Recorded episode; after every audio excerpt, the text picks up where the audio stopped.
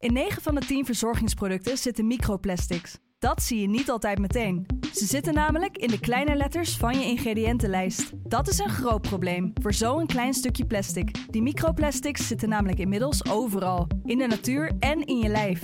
Gelukkig zijn er ook merken die gewoon microplasticvrij zijn. Want dat het anders kan, dat weten we bij Weleda, Lekker Company, Marcel's Green Soap, Naïef, Smaal en Witlof wel. Dus check de kleine letters. Die hebben de grootste impact.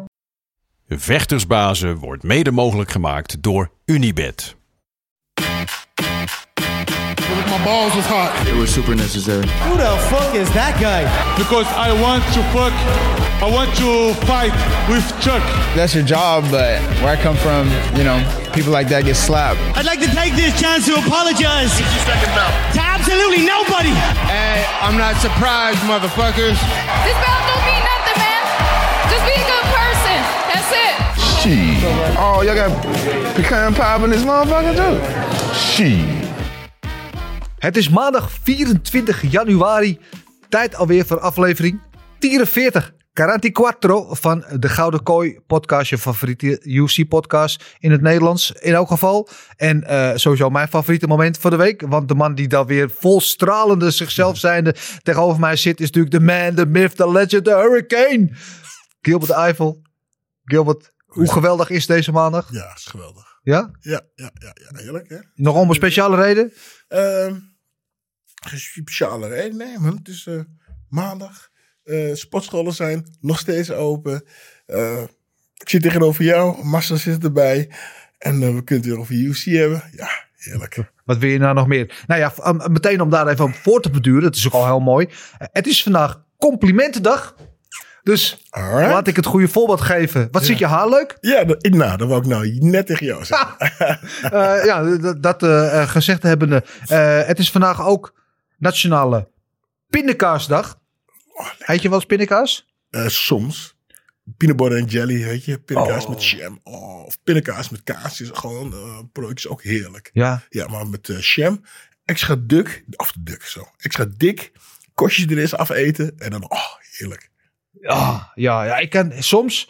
Ik eet het niet vaak. Ik heb soms van die, van die aanvallen. Ik heb wel altijd een grote pot pindakaas in de kast staan. En soms Ja. gewoon lekker sneetje wit brood.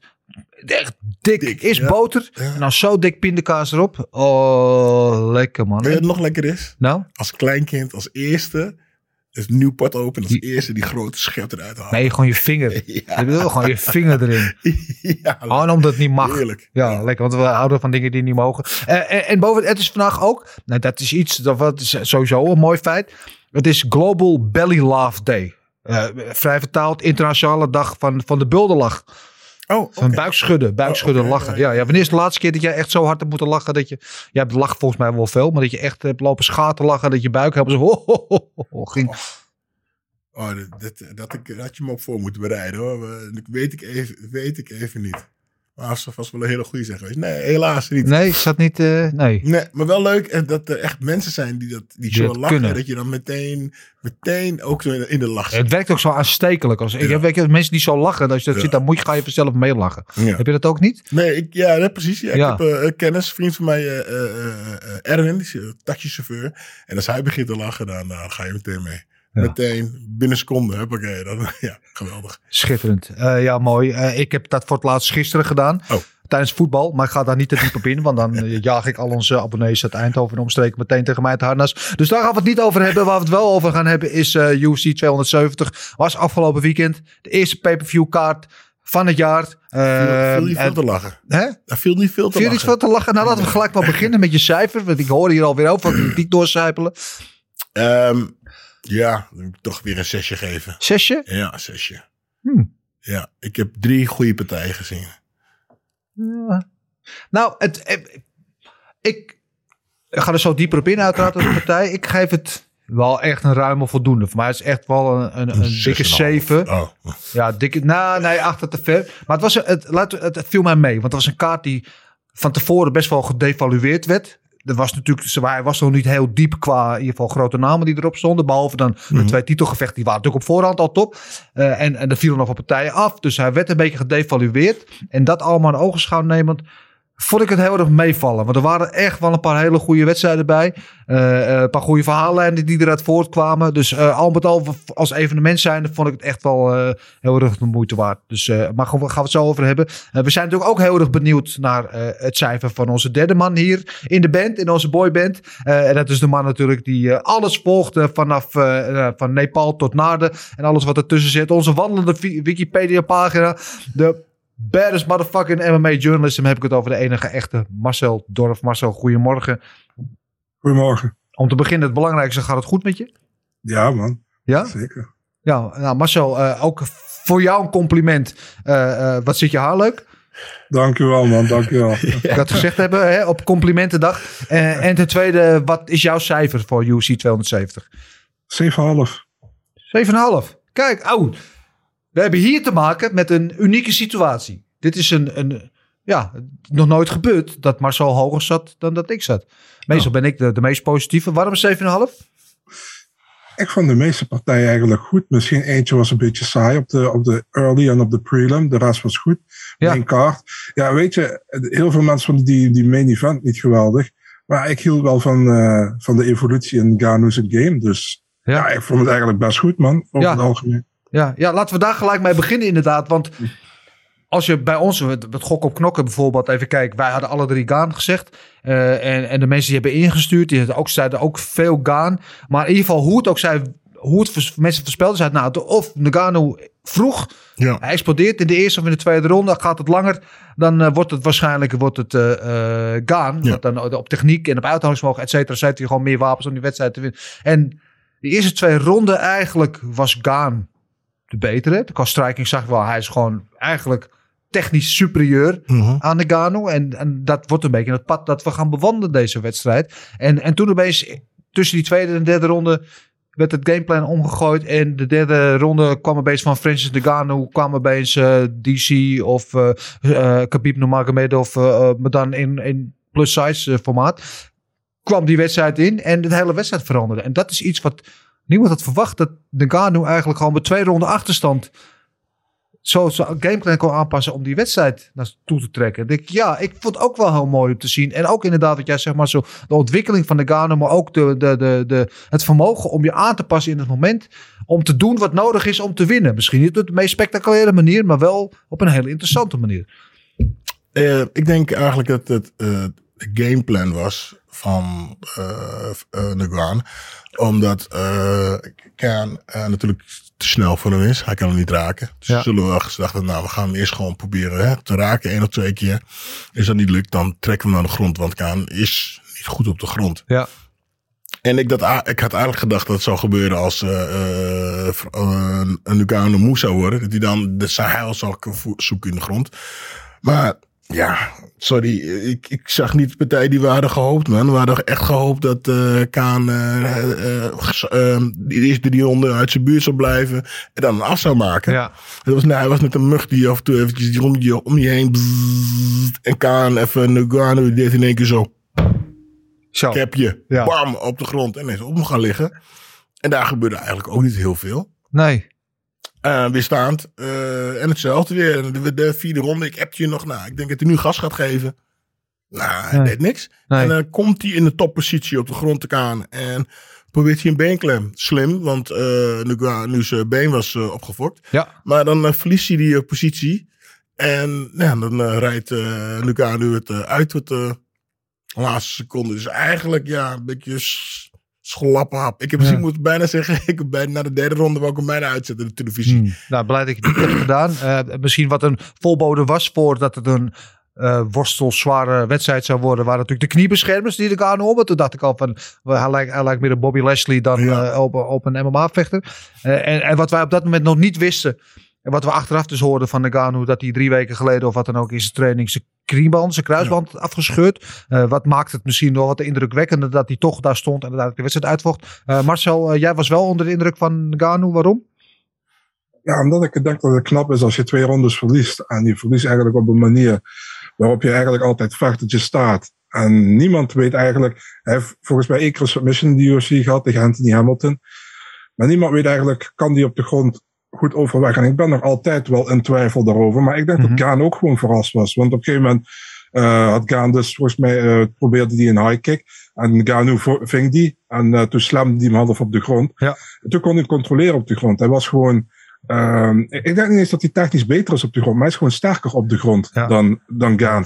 En hij kon hem daarmee controleren. En dat had hij in de gaten in de derde ronde. En ik denk ook dat zijn coaching erg goed was. Ja. eh, vanuit de corner met eh, Erik, Eric Nixick en eh Dewey Cooper.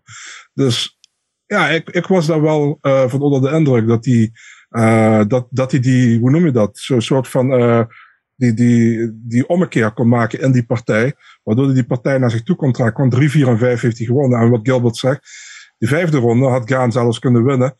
Maar dat was, ja, ik denk dat het toch een beetje onervarenheid is nog wat hij deed daar. Want je moet ook zeggen, denk ik, Gaan is pas drie jaar pro. Zit nu al in de top. Hij gaat voor die hielhoek. Ja. hij werd omgedraaid op dat Ja. moment. En toen hij werd omgedraaid, toen wist je, ja, het is klaar. Want hij kwam niet meer weg bij, bij Ngannou. Dat kon hij ook nog niet in de derde, niet in de vierde ronde. Ja, dat is ook een Dus ja, en, en zij uitstekend uiteindelijk gedaan door Ngannou. Ja, ik had het op deze manier totaal niet verwacht. Nee, Dus, ja, het is ook een abnormaal sterke man, eh, die Nagano. En inderdaad, dat moment was wel een mooi moment dat hij Gaan die hielhoek probeerde aan te zetten. Toen kreeg ik een beetje shades naar Bas Rutte. Ja, ja. Eh, en, en Managano die was niet onder de indruk. Ondanks dat zijn hele eh, zijn knie- kruisbanden eraf lagen. Die keek hem aan. Wat ben je nou eigenlijk aan het doen?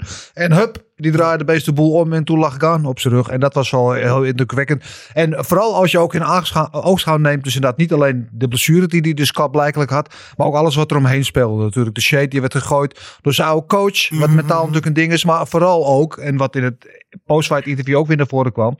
Die hele machtsstrijd die hij had, waar we het vorige week al over hadden, met de UFC. Over zijn contract, dat hij meer geld wil. Eh, eh, eh, dan komt inderdaad Dana White niet eens de belt bij hem om doen. Wat de hel was dat? Weet je, al die dingen die meespeelden, verliezen eerst twee ronden, weet je wel. Terwijl je alle odds al tegen je hebt. Want als je in de promotie ook een beetje terugkijkt, werd Gaan eigenlijk naar voren gebracht als, de, de coming man. Alsof de, de, degene waar je je geld op moet zetten. En, en de Gano werd eigenlijk een beetje, nou ja, misschien wel een beetje het is disrespecteerd, is dat een Nederlands woord, maar in ieder geval krijgt niet de erkenning die hij verdiende. Heel erg vergelijkbaar met de situatie waar Nagano vier jaar geleden in zat. Maar dan andersom, toen Miocic de kampioen werd en Nagano werd gepusht als de nieuwe kampioen. En al die dingen, die spelen toch een factor mentaal ook, denk ik. En ehm, dat je dan mentaal zo sterk bent, dat je tegen de blessure, tegen de odds, tegen de tegenwerking vanuit de UFC, eerst twee ronden verliezen en dan toch nog een manier vindt om die wedstrijd te winnen, maak je in mijn ogen gewoon echt een absolute kampioen. Oké. Maar zijn het toch wel alle, met z'n allen een beetje over eens dat het vuurwerk dat we hadden verwacht dat het uit is gebleven. Het is een hele andere wedstrijd geworden. Ik denk dat niemand, eh shout-out naar uh, Neil Peters had, die eh, geld had gezet op een beslissing voor Nagano. Ik denk dat niemand dat had gezegd. Iedereen had gezegd KO door Nagano of gaan op beslissing of finish in de latere ronde. Ik denk dat 99,9% van de mensheid die deze wedstrijd volgde dat zo voorspeld hadden. En niemand had zijn geld gezet op Nagano die een potje ging worstelen en Ja. eh, Gaan drie ronden ging controleren en zo de wedstrijd zou gaan beslissen. Maar dat is wel wat er gebeurde. En eh, ja, dus ik, ik misschien niet wat we van verwacht hadden, maar ik vond het wel een en ook niet een wedstrijd die ik over twee jaar ik denk nou ik ga eens eventjes lekker ik ga die wedstrijd toch even, even terugkijken. Ja, nee, precies, dat, ja. dat niet. Maar wel een hele interessante wedstrijd. Ook met het oog op de ontwikkeling van, van deze divisie en wat er gaat gebeuren met zowel Nagano als met Gaan. Oké. Ja, ik ben eigenwijs. Hè, dat Dat, eh, eh, is me nooit schijnt- opgevallen. Dat schijnt, schijnt zo. Ja, ik vond ze gewoon allebei slecht. Ja, Ik vond ze gewoon allebei slecht. En dan kan uh, uh, Fran, uh, Nguano geblesseerd zijn. Maar uh, hij wint op een manier. hij bleef gewoon op. Ja, ze waren allebei, zijn allebei slecht op de grond. Hij was nou wat vaker bovenop. En daarom wint hij de partij. En Kaan, uh, die, die, die, die haalt de trekken gewoon niet over. Het is, het is gewoon of ze allebei niet echt gas wilden geven. En niet echt wilden bewijzen dat de een beter was dan de andere. Had ik het idee. ja.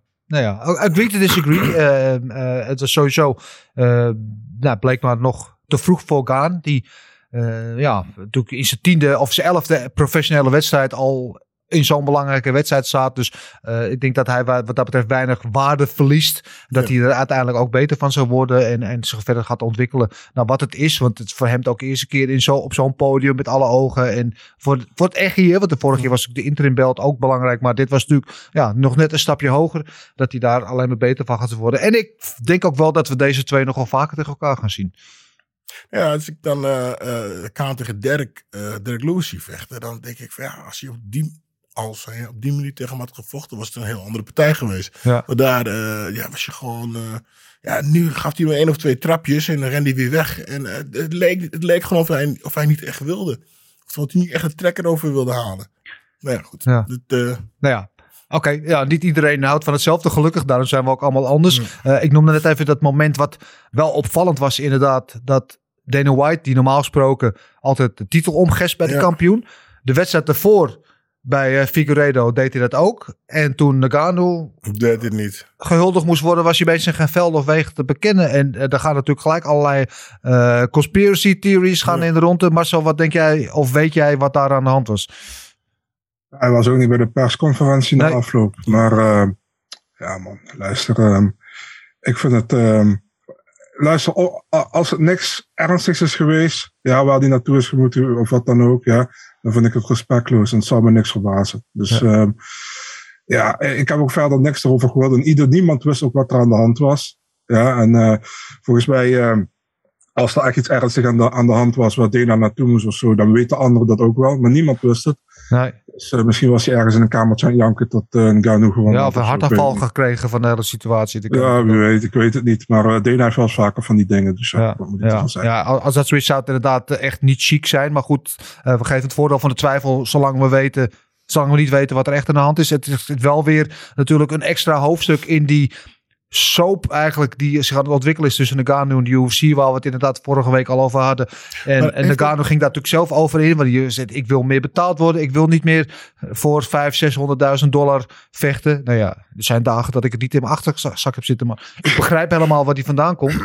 En ehm er gooide nog eventjes een visje uit naar Tyson Fury, hè, van Ja. hey, ik wil wel, eh, wel boksen. En Tyson Fury die daar gelijk op reageerde via Twitter van, wil je wat echte, echte knaken verdienen? Kom dan hier naartoe, kom dan naar mij en dan gaan wij een potje rollenbollen. En eh, ja, het is heel interessant om te zien wat er gaat gebeuren. Ook voor het verdere verloop van die heavyweight divisie.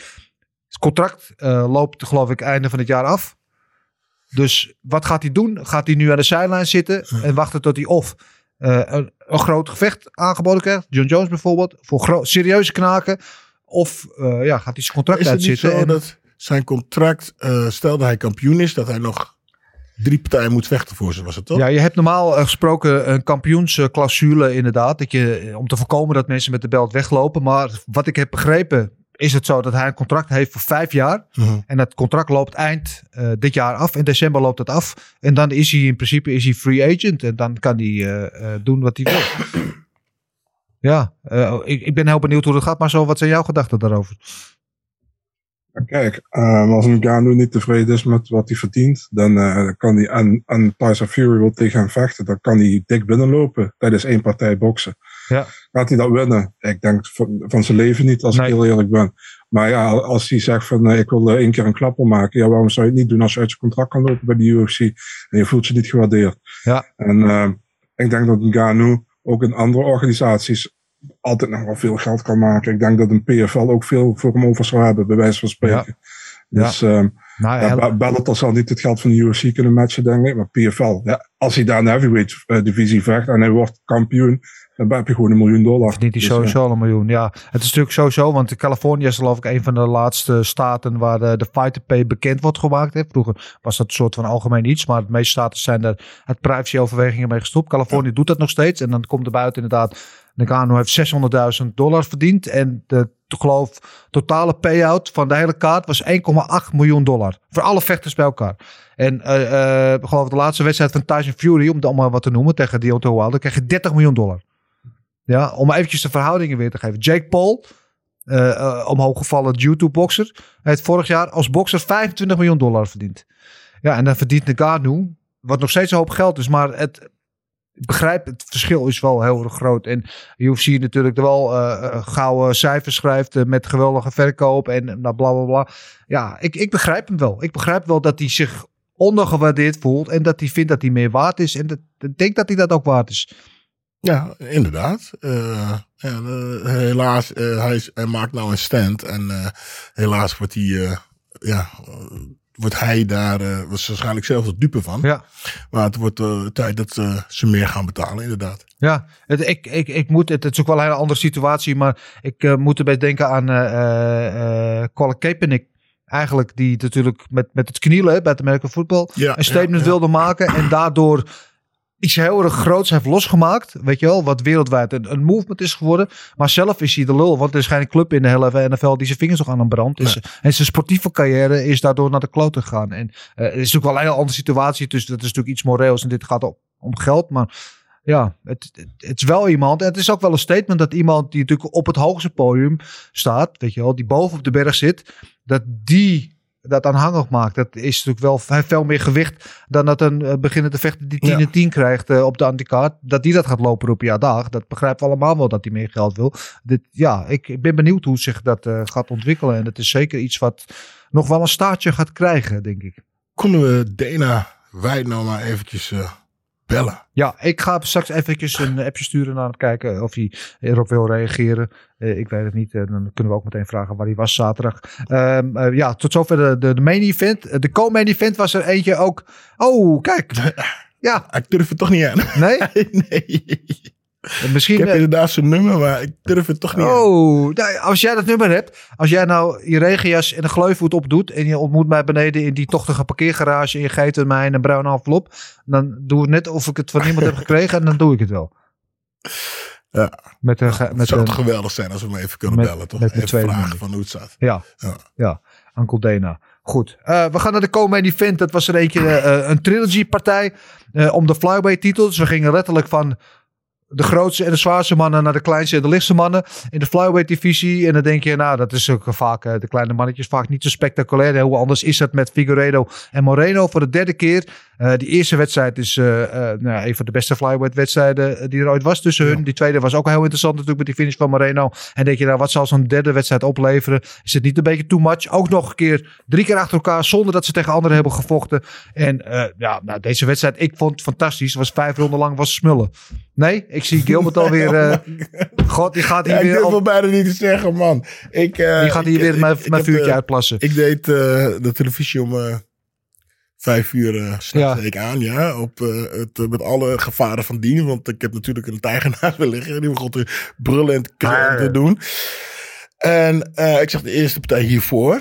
Die vond ik geweldig. Ja. Maar nou, toen kwamen hè, de twee kleine mannetjes. Ik ging boven. Ja, nee, sorry man. Een, beetje, een klein beetje hetzelfde vond ik als in de main partij. Alsof ze allebei niet vol gas wilden gaan. Weet je, het, het, ze waren allebei eh, te af, afwachtend. Ja. Terwijl, eh, eh, hoe heet Vond je dat echt? Ja, ik vond dat Moreno eigenlijk en in de slagenwisseling er beter uitkwam. En ja, Figueroa. Ja, die, die, met die één one-punch eh, jab en stoot had hij hem steeds. Maar er werd niet, zoals in de eerste twee rondes, vol gas op elkaar eh, geknokt. Ze hebben één of twee keer zo'n moment gehad dat ze, dat ze aan het treden waren. Ja, Vind ik. Ja, ze hadden de vierde ronde was misschien de, de minste ronde van de partij qua eh, geboden spektakel. Dat was de partij dat was misschien een beetje de resetronde. Maar ik vond de, rest van de partij helemaal hoe ze eindigden. En waren het veldslag gewoon toe-to-toe, gewoon trading punches. Ja, Marcel, Marcel help mij hier alsjeblieft. Zeg maar wat jij van deze wedstrijd vond. Ja, sorry Gilbert, ik vond het een geweldige partij. Ehm, een, een partij tussen eh, de derde partij waar ik echt heel erg naar had uitgekeken. En ik vond het ook gewoon heel interessant. Eh, attractieve partij, eh, heel kort bij elkaar. Figueiredo heeft waarschijnlijk een verschil gemaakt met zijn twee knockdowns. Op de scorecards, denk ik. Want eh, ik vond Moreno eigenlijk meer overtuigen, als ik heel eerlijk ben. Iets meer. Ik had hem zelf voor Moreno 3-2. Maar goed, ik ze geven Figueiredo. Ehm, ja, ik vond het wel een hele, hele goede partij. Ik vond het eh, over en weer vond ik het sterk. Ehm, ze bleven ervoor gaan. Ehm, ja, ik, eh, ik, ik, ik ben best regelmatig met, met Gilbert eens dit keer niet. Ik, ik vond het echt een goede partij. dat is absoluut dus, niet eh, erg. Ja, ja jawel, jawel. Ik, ik, ga, ik ga dadelijk in een hoekje zitten huilen. Nee, wel, nee. Helemaal... eh, Ja, ik, ik denk, ik denk persoonlijk dat deze eh, partijen, en dit, zelfs die partij van eh, de, main, ma- de, de co en de main partij, een beetje meer in het, eh, weet je, Justin Cagey tegen Chandler, Chandler. eh, had kunnen zijn. Daar had ik eigenlijk meer, eh, hè, constante actie had ik meer verwacht. heb, heb misschien toch te hoge verwachtingen heb je misschien Ja, gehad. Ja. wel. Ja. En ik, Ja. weet je, ik had al een cijfer die ik, ik denk, ik ga dit, deze week gewoon voor die acht. Ik wil jullie ook niet teleurstellen, maar Ja, nee, ja, het, gewoon niet. het is wat het is. Maar ik vond het vooral een wedstrijd tussen twee vechters die zo aan elkaar gewaagd zijn. En dat als ze tien keer tegen elkaar vechten, dat ze waarschijnlijk allebei vijf keer winnen. En eh, het is ook zo interessant en zo attractief. En eh, met de verhaallijnen erachter natuurlijk ook. Met Suyudo, wat die natuurlijk eerst Ja. samen met, met, Ja. met Moreno trainde. Nu de trainer was van Figueiredo. De invloed van hem. Je zag inderdaad bij die, bij die takedowns en tegen dat Figueiredo er wel beter uitkwam. Dus dan zag je wat met die hand. Het publiek in Anaheim, wat elke Mexicaan geloof ik die in, eh, in Californië woont, die zat, die zat in het stadion. Althans, zo klonk het wel. Eh, ja, ik vond het geweldig. En ik zou er absoluut geen moeite mee hebben, wat natuurlijk nog nooit eerder is gepresteerd. Dat ze voor de keer vierde keer achter Ja. elkaar tegen elkaar gevecht. Nooit eerder gebeurd in de geschiedenis van de UFC. Eh, maar ik zou er in dit geval zou ik er geen moeite mee hebben. Want ik zou dit best nog een keer willen zien. Oké, nou, zal ik dit zeggen? Het waren geen slechte partijen. Nee? Maar, laten we zeggen, hè, wat Massa net zeggen, ik had er een, een hogere verwachting van. Ja. Ik, had, ik denk dat er gewoon veel meer vuurwerk eh, uit had kunnen komen. Ja. Laten we dat zeggen. Oké. Marcel, nog laatste woord hierover? Eh, ja, nee, ik bedoel, ik, ik, ik heb gezegd wat ik wilde Ja. zeggen. En eh, ja, dat is het. Ja, eh, ja, ik, ik, ja, nogmaals, ik vond het ook een ge- eh, geweldige wedstrijd. En het was eh, interessant om te zien de aanpassingen die Figueiredo had gemaakt naar de laatste keer. Waarin die toch redelijk kansloos werd afgeslacht eigenlijk door Moreno. Terug naar de tekentafel is gegaan. En met een nieuw plan Ja. die Octagon inkwam.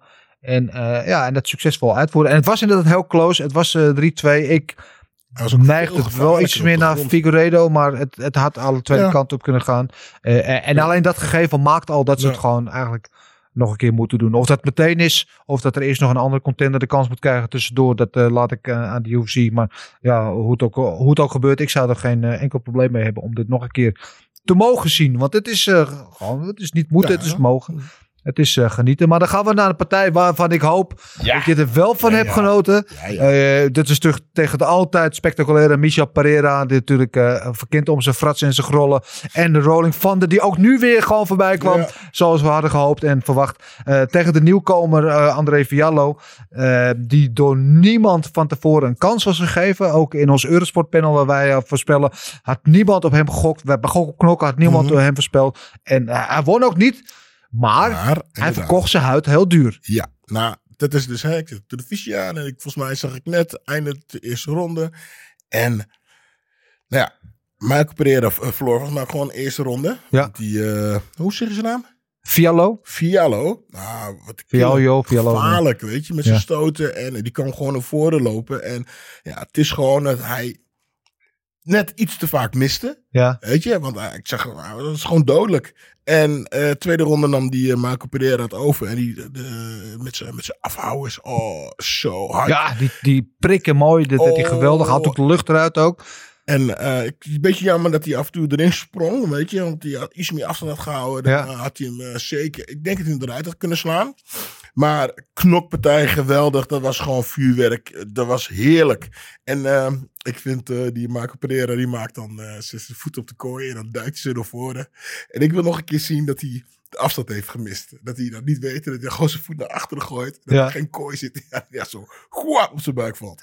Maar nee, ik vond hem, dat vond ik, kijk, dat was nou een knokpartij, man. Ja, ja, dat was er zo. allebei voor. En Ja. hard waren ze. Ja, en die Fiallo bleef ook, ook in de derde ronde, eh terwijl het tempo wel naar beneden ging. Want hij werd natuurlijk wel, eh, ja, met name inderdaad door die, die lichaam, die voorwaartse trappen, werd een beetje de lucht eruit gehaald. Maar hij bleef voor voren komen. En hij bracht hem inderdaad, met name bij de eerste ronde, bracht hij hem een paar keer echt in problemen. Eh en die hoofd natuurlijk in de hoek bij Fiallo. Eh, en eh, ja, ondanks een verlies in zijn debuut is het wel iemand waar ik denk, ja, daar zou ik wel meer van willen zien. Eh, Marcel, hoe beoordeelde jij het optreden van met name Fiallo? Ja, het ging eigenlijk precies zoals we hadden verwacht, man. Ehm Fiallo, die in de eerste ronde vol voor die, voor die finish ging. Hij had ook Pereira voor, aan het wankelen een paar keer. Maar Fiallo eh, was op een gegeven moment moe. En Pereira was ook moe, maar hij deed meer in de tweede en derde ronde dan Fiallo. Dus wel niet 29-28. Maar het was eigenlijk, eigenlijk een keertje precies een partij zoals ik verwacht dat hij zou gaan. Normaal, uh, normaal gaat hij zoals Skilbert het zegt. Maar ze hebben het krok op knokken. Deze ging eigenlijk een keertje Oh ja, zoals ik verwacht had. Goed, hè? ah, goed voor je. Ik had er ja, maar, drie die puntjes staan. Die partij hierna gaat. Wacht maar. Ja, ja, dat dacht ik al, ja. nee, maar, hey, maar echt serieus. Maar wat ik, eh, we hadden het net over ehm, eh, terugkomen. Ik vond dat Michael Pereira ook eventjes een goede aanpassing maakte in de Ja. tweede ronde. En toen als Mhm. een killer terugkwam, man. En ik vind hem gewoon echt met de partij beter worden. Want zijn Ja. boksen zag er supergoed uit. Ja. Het bewegen zag er goed uit. Ehm, hij liep af en toe op een hoek, maar dat is helemaal niet zo erg. Ik vond hem, eh, ik vind nog, Ja. ik denk dat hij het ver gaat schoppen, man. Ja, nou, wat we van Pereira van het begin natuurlijk al weten, is een geweldige atleet. Want hij is eigenlijk overal, ook op de grond kan hij uit de voeten. Hij, kan, hij staat goed, hij is spectaculair. Eh, eh, hij is super sterk en atletisch. Alleen hij verloor zichzelf nog wel eens te veel in die frivoliteiten. Hij wilde iets te veel die circustukjes doen.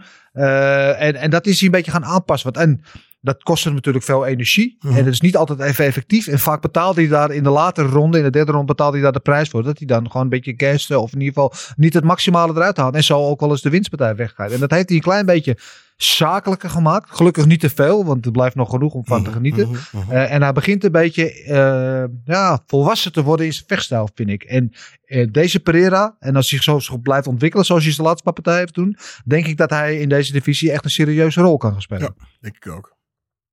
Mooi. Ja. Marcel, mee eens? Ja, 100%. Dat denk ik ook. Hij, eh, hij, eh, hij- ja, weet je, zolang, zolang hij dat inderdaad doseert, kan hij veel ver komen, denk ik. Ja, en, eh, ah, en natuurlijk is het heel spectaculair om te zien hoe hij vecht. Dus, Ja. ja. zeker. Ja, ik denk dat iedereen wel graag naar hem kijkt. Ik vind het overigens wel mooi. Hij woont uh, sinds een tijdje in Amerika, traint en woont hier of daar. Uh, en hij heeft dan ook de Amerikaanse en de Braziliaanse vlag om zich heen. Dan staat dan met die Amerikaanse vlag, maar spreekt nog geen woord Engels. Dan denk ik, ja, kom op jongen. Dat, uh, het puntje om aan te werken nog. Maar goed, Kniesoort die daarop let. Uh, de Seikert uh, Kromhaan die heeft daar wel weer wat over te zeggen. Maar we gaan naar de volgende wedstrijd. Waar Gilbert natuurlijk alweer handen wrijft. Want er zat uh, Said Nurmagomedov al. Wat we vorige keer zeiden. Het is de enige Nurmagomedov die liever staat dan het op grond vecht. Dus die gaat waarschijnlijk uh, op KO winnen. Dachten in ieder geval Marcel en ik. En wat gebeurt er?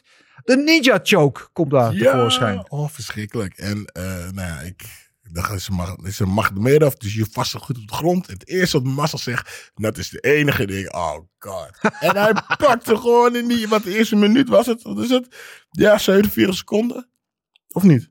Ja, dat was uh, ja, 47, ja, volgens mij. Ja. Pakte hem in die choke. Ja. Oh, wat geweldig. Ja, ja en uh, wat een, uh, ja, gevaarlijk ook, hè, met zijn achterwaartse draaitrappen. En gewoon scherp. Ja, sowieso en, spectaculair vechten om te zien, ja. inderdaad. En, maar wat dan niemand inderdaad verwacht. Want hij staat tegen een worstelaar. Dat hij dat zo afmaakt. En hij zat ook niet een beetje strak, die klem. Want uh, ik zag die, die Steeman wat nog net niet paars. Maar zijn ogen die plotten bijna uit ja. zijn hoofd. Dat is goed ook. Zat goed, dik, strak, diep in. Oh, heerlijk. Ja. Ja, precies. Ja. Voorspeld dat, uh, Marcel. ja. Nee, maar geweldig. Ja, Marcel, was je onder de indruk van Nurmagomedov? Ja, ik denk wie niet. Um, ja, eigenlijk het begon met Steven die naar de grond wilde, man. En uh, die ging voor die takedown. Maar uh, Nurmagomedov counterde dat met, een, uh, met die choke, met die ninja choke. En ja, goed gedaan, weet je. Um, ja, wat ik zei vorige week, ik verwachtte dat uh, Nurmagomedov knock-out zou slaan. Omdat omdat hij hem niet naar de grond haalde. Maar hij probeerde hem dus naar de grond te halen. Toen pakte hij een submission. En toen ik dat zag, ik dacht, oh, hij zit goed. Ik denk Gilbert heeft uh, de volle map. Dus en hij tikt ook, hij tikt ook af na 47 seconden of zo. Ik denk, ja. Yep. Ik denk, uh, heeft hij goed gezien. Dus ja, een mo mooie overwinning van Nurmagomedov. En ja.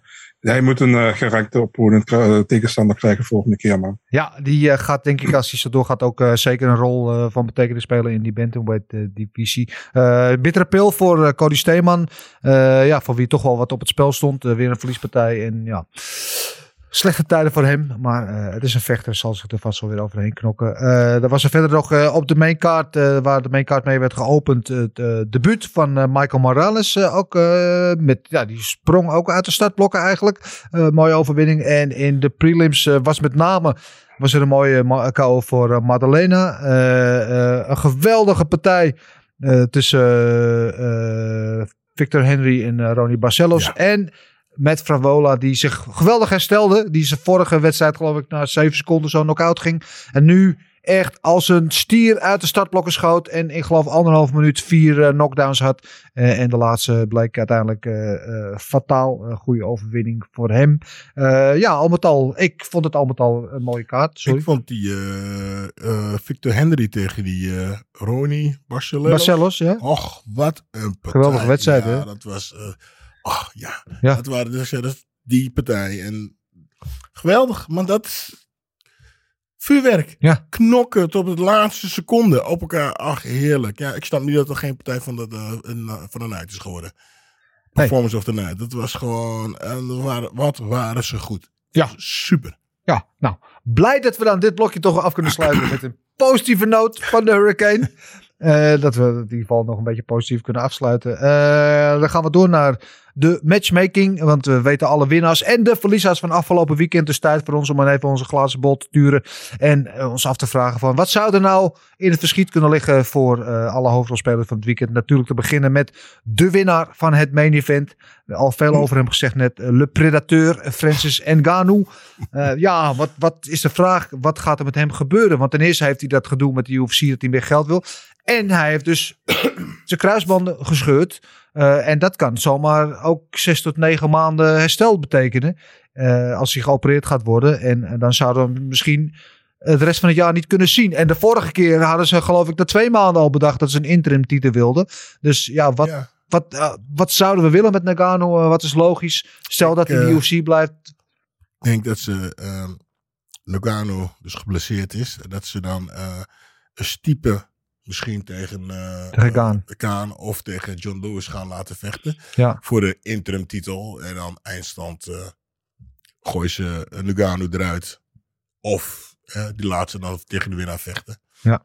Ik denk dat dat zoiets een beetje gaat gebeuren. Ja. Ik denk dat er maar één route is voor Nagano om überhaupt nog terug te willen komen op dit moment in de UFC. Is dat ze hem een partij tegen John Jones gaan bieden. Die zat natuurlijk aan de zijlijn weer mee te smuilen afgelopen weekend. Die is dan als eerste die op de Twitter uh, uh, zijn, nou ja, zijn mening laat horen. Uh, en dat is natuurlijk een gevecht wat al heel lang in de maak is eigenlijk. En dat is wel denk ik misschien wat voor hem ook lucratief was zijn. Money-wise. Denk dat hij daarvoor nog wel zijn bed uit zou komen, figuurlijk. En anders, uh, uh, anders niet. En dan zal de UFC waarschijnlijk inderdaad wel de route gaan bewandelen van een interim uh, titel. En dan lijkt mij Gaan tegen Miocic wel waarschijnlijk het meest voor de hand liggen, Marcel. Ik denk ook dat er een interim titel gaat komen, maar ik denk dat Miocic gaat vechten tegen Lewis als Lewis van Tuivasa wint. Ja, precies, want Louis is nu geboekt tegen, tegen Joey Fasa. Ja, maar dat is al snel, hè? dat is al over drie weken. Dus. Ja. ja, dat is ja, maar waar. wat als Joey Fasa wint? Ja. Ja, dat is ik wel een heel interessante vraag eigenlijk. Ja. Dan zou ik wel Joey Fasa tegen Gaan willen zien. Ik denk dat uh, Soeifas best wel een, een, een, kans heeft tegen Dirk. Want het is volgens mij gewoon wie het eerste raakt, de wint gaat gewoon winnen. Dat denk ja, ja, ja. Ik denk wel dat Lewis dat wint hoor. Nou, ik wil niet vast voor, vooruit lopen op gok op knokken, maar... Ik uh, proef hier een keer wat uh, tompoes aankomen. Ja, lekker. uh, Red Velvet baby. Oké. Okay, uh, ja, dus, nou ja, dus inderdaad Francis tegen John Jones of niks. En Gaan tegen... Of doe vast als je wint en anders tegen Stiepe? Is dat, ja, uh... ik denk uh, ja, tegen Stiepe. Oké, okay, ja. Uh, denk, ja, ja, en Moreno. Figueredo en Brandon Moreno. We hadden het net al even over drie keer achter elkaar gevochten, wat al vrij uniek is. Maar dan een vierde keer rechtstreeks tegen elkaar. Is dat iets wat we zouden willen zien? Ik ja, zou het wel willen zien. En zo niet, wat zou eventueel de andere route kunnen zijn? Moet je, deze gaan we Marcel vragen. Marcel? Want, kleine mannetjes. Ja, ik zeg je heel eerlijk. Ik vind het een hele leuke partij, maar ik hoef hem niet voor de vierde keer op dit moment te zien. Okay. Er zijn ook nog andere, genoeg andere contenders. Je hebt uh, volgende maand, of uh, eind maart, heb je Askarov tegen Kai Kara France. En de winnaar daarvan, of Pantoja, die eigenlijk al voor deze partij zou moeten krijgen, had, had moeten hebben, maar niet geblesseerd was. Ja. Kan ook, weet je. Je kan ook bij wijze van spreken, ik zou dan ik zou eigenlijk de winnaar van Askarov tegen Kai Kara France zou ik tegen Figueiredo doen. En ik zou uh, Pantoja tegen Moreno ja. doen. Sowieso omdat in, achter, in het achterhoofd dat Moreno zowel in de Ultimate Fighter als gewoon in de UFC al een keer van Pantoja verloren heeft. Dus dan kan hij die recht trekken. Als het hem lukt dan tenminste. Ja. En als Figueiredo eventueel wint van de winnaar van Askarov. Kai Cara France, dan is die vierde partij veel groter Ja. tegen Moreno. Dus Ja. het is wel allemaal als, als, als. Maar.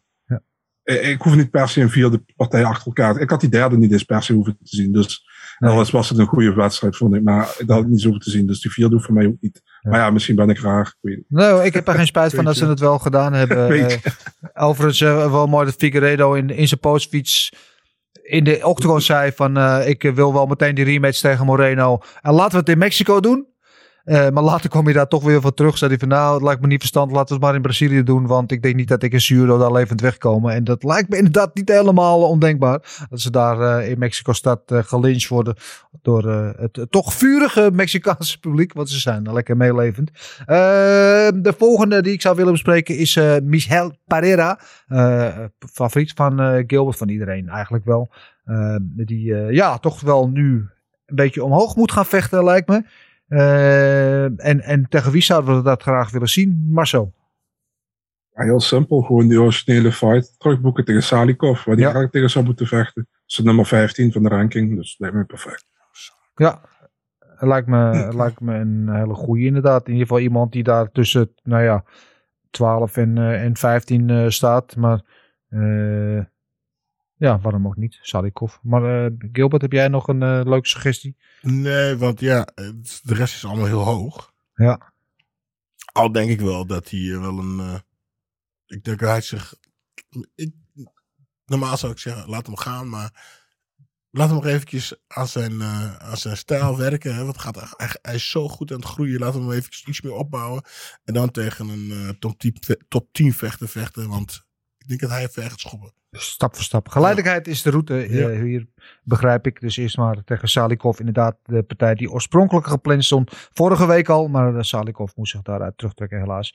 Eh, dan nog eentje die ik op mijn verlanglijst heb staan. Waar ik eventjes voor de toekomst zou willen kijken. Iemand die met een geweldige ninja choke dus afgelopen weekend won.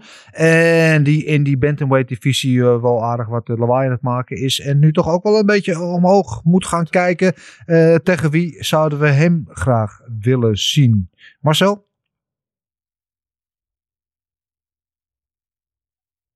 Oh, hij beweegt zijn mond, maar ik hoor niet. bleef angstig stil. Aan de andere Sorry, ik kan er stilstaan. Oh, Eh, ik denk dat er heel veel mogelijkheden voor hem zijn in de bantamweight divisie. Ehm, willen we hem in de top 15 al zien? eh, ja, 100%. Ja, hè? 100%.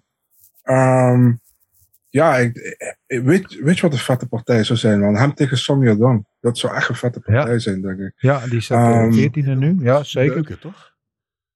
Ja, Ja, die is een goede bokser, ja. ja, dat zou een vette partij zijn, denk ik. Maar je, je hebt echt veel keuzes in bantamweight. Ik denk dat er, er geen één slechte partij voor hem is te maken daar. Zelfs net buiten de top 15 heb je nog hele goede zitten. Dus eh, ja, misschien wel... te- ik zou het tegen O'Malley wel willen zien, maar ik denk niet dat TOC dat gaat doen. Ja, ik denk dat O'Malley dat eh, ook niet helemaal ziet zitten. Eh, de, kans dat hij daar in een van de grepen gelegd wordt. Eh Chito Vera vroeg hij zelf om. Eh, dat lijkt me wel ook wel echt een geweldige wedstrijd. Maar die staat nu, eh, denk ik, even iets te hoog in de ranking. Eh, een andere optie die misschien wel leuk zou zijn, die wel in die top 15 staat, is Ricky Simone. Ik denk dat zou ook een eh, mooie wedstrijd kunnen zijn. Die ook iemand die ook altijd komt om, eh, om, om te knokken. Eh, eh, vrij explosieve, levendige vechter. Lijkt me ook nog wel een leuke Ik wedstrijd. denk dat die eh Macht de meer of zometeen eh allemaal in, eh, richting de, de titels gaan. Eh, het zit in de naam, dus het kan zomaar gebeuren. Het zou niet de eerste keer zijn dat de Nurmagomedov een titel wint in de UFC. Dus eh, wie weet dat het eh, eh, zo komt. Eh, we hadden nog eh, van eh, eh, onze OG-vragensteller. Die had ook een paar picks ingestuurd voor de matchmaking suggesties. Eh, die stelt voor uh, Nurmagomedov, daar zou je hem hebben. eh, tegen Song Yadong, zoals jij inderdaad zei. Maar zo, dat lijkt ons inderdaad een mooie wedstrijd. Of tegen Jack Shore. Gedachte, ja, zou ook een leuke wedstrijd zijn. Niet gerankt ook. Dus, en we willen hem denk ik wel echt naar boven zien vechten, toch? Dus eh, dan blijven we dan in dit geval bij Song Yadong zitten.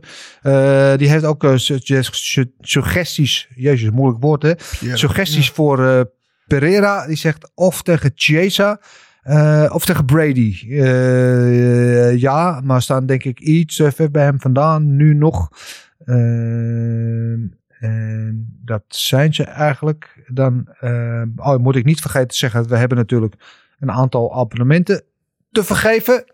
Eh, vier eh, Discovery Plus evenementen voor een jaar lang UFC kijken. Daar hebben we vier winnaars gekozen, maar die gaan we straks aan het einde bekendmaken. Dus vergeet niet deze podcast helemaal uit te kijken, want anders hoor je het niet. Ik moet nog even zeggen dat, en, en niet omdat jij het doet, maar vannacht ik werd wakker, zet het ding aan, ik stream hem op mijn televisie en het werkt gewoon. Het is niet zo met eh, moeilijk.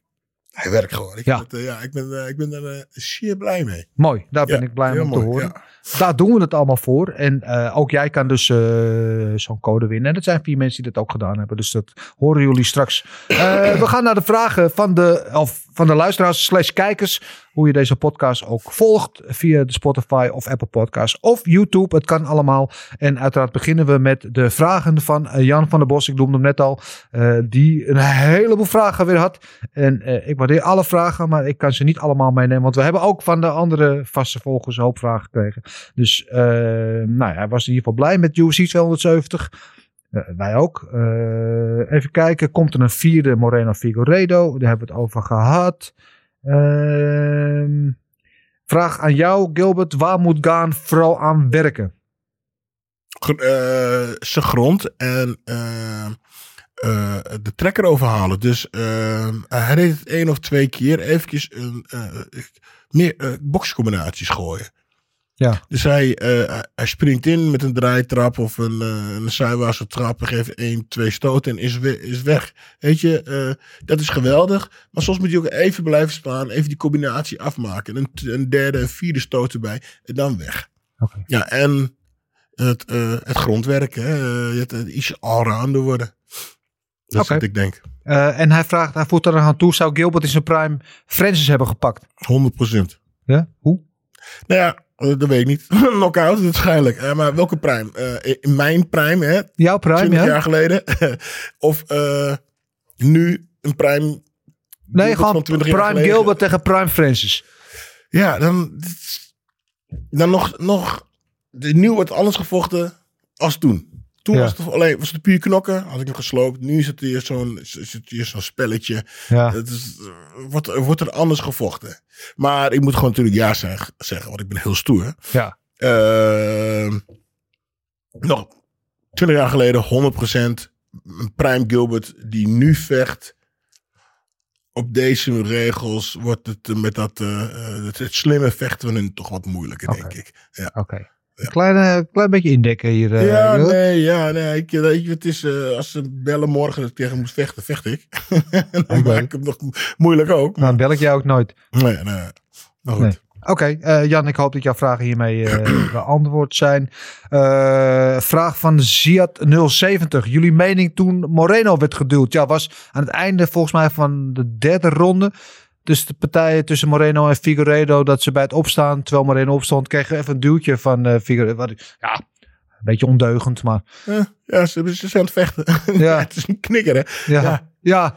ja, Toch? het is niet zo sportief, maar Nee, maar het zijn midden in een gevecht, man. Het is ook een beetje mind games, proberen te intimideren. maar ja, Ja, Moreno is eh, wat dat betreft heel moreel, moreel mor- mentaal sterk. Die laat zich niet zo snel eh, intimideren. Die is niet echt onder de indruk. Maar ja, het was wel even een opvallend momentje.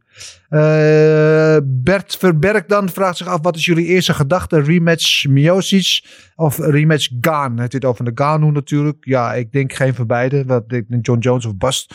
Eh, dus ik denk dat geen van beide op dit moment een eh, reëel doel is voor Nagano. Ehm, Ruben Tarjo deed Dana White niet een beetje kinderachtig door de belt niet uit te reiken. Ja, ja. Ja. We weten natuurlijk niet wat er aan de hand is. Misschien was er wel iets, een levensbedreigende Hij situatie. heeft het toch al vaker gedaan. Dat hij, eh, dat hij het gewoon niet... eh, misschien eh, vond hij... Nou ja, het is toen gebeurd met, met Stiepe. dat Stiepe de belt uit de handen van, da van Dana White pakte. En zei: Nee, dat wil ik niet. Want dat had te maken omdat hij een beetje over de hoop toen lag met de UFC. Oh. En toen belt aan zijn coach gaf om de be- belt. Dus eh, niet helemaal hetzelfde. Oeh. En toen kwam Dana White achteraf ook niet tot de persconferentie, inderdaad. Dus dat betreft lijken die situaties wel een beetje op elkaar. Ja, als het inderdaad dat is, als het kinderzin is, dan is het inderdaad wel heel kinderachtig.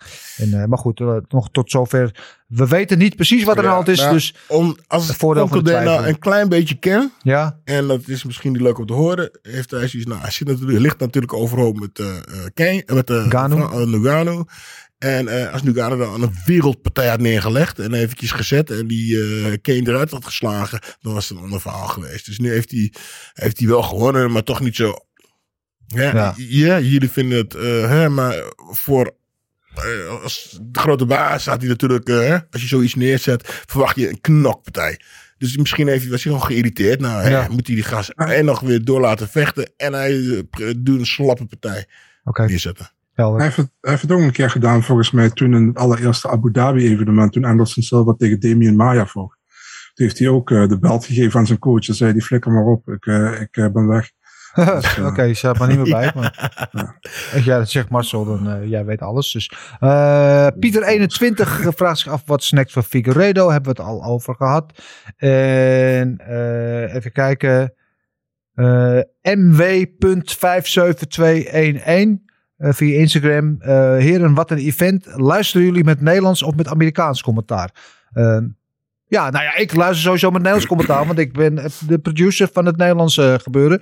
Ehm, eh, er zijn heel veel mensen die hebben de voorkeur aan het Amerikaanse commentaar. En het is nou niet, wat we net al over hadden, niet iedereen smaak is gelijk. Eh, en natuurlijk Joe Rogan en John Anik en DC zijn natuurlijk ook legendarische commentatoren. Dus eh, Ja. daar is helemaal niks mis mee als je die liever hoort dan het Nederlands commentaar. Maar Nou ja, de eerste keer heb ik eh, Nederlands ge- geluisterd natuurlijk. Hè. Dat was de eerste keer. En, eh, en dat is gewoon, als jij gewoon aan het kijken bent, dan is het, maakt niet uit naar wie, of je Nederlands of het Engels is.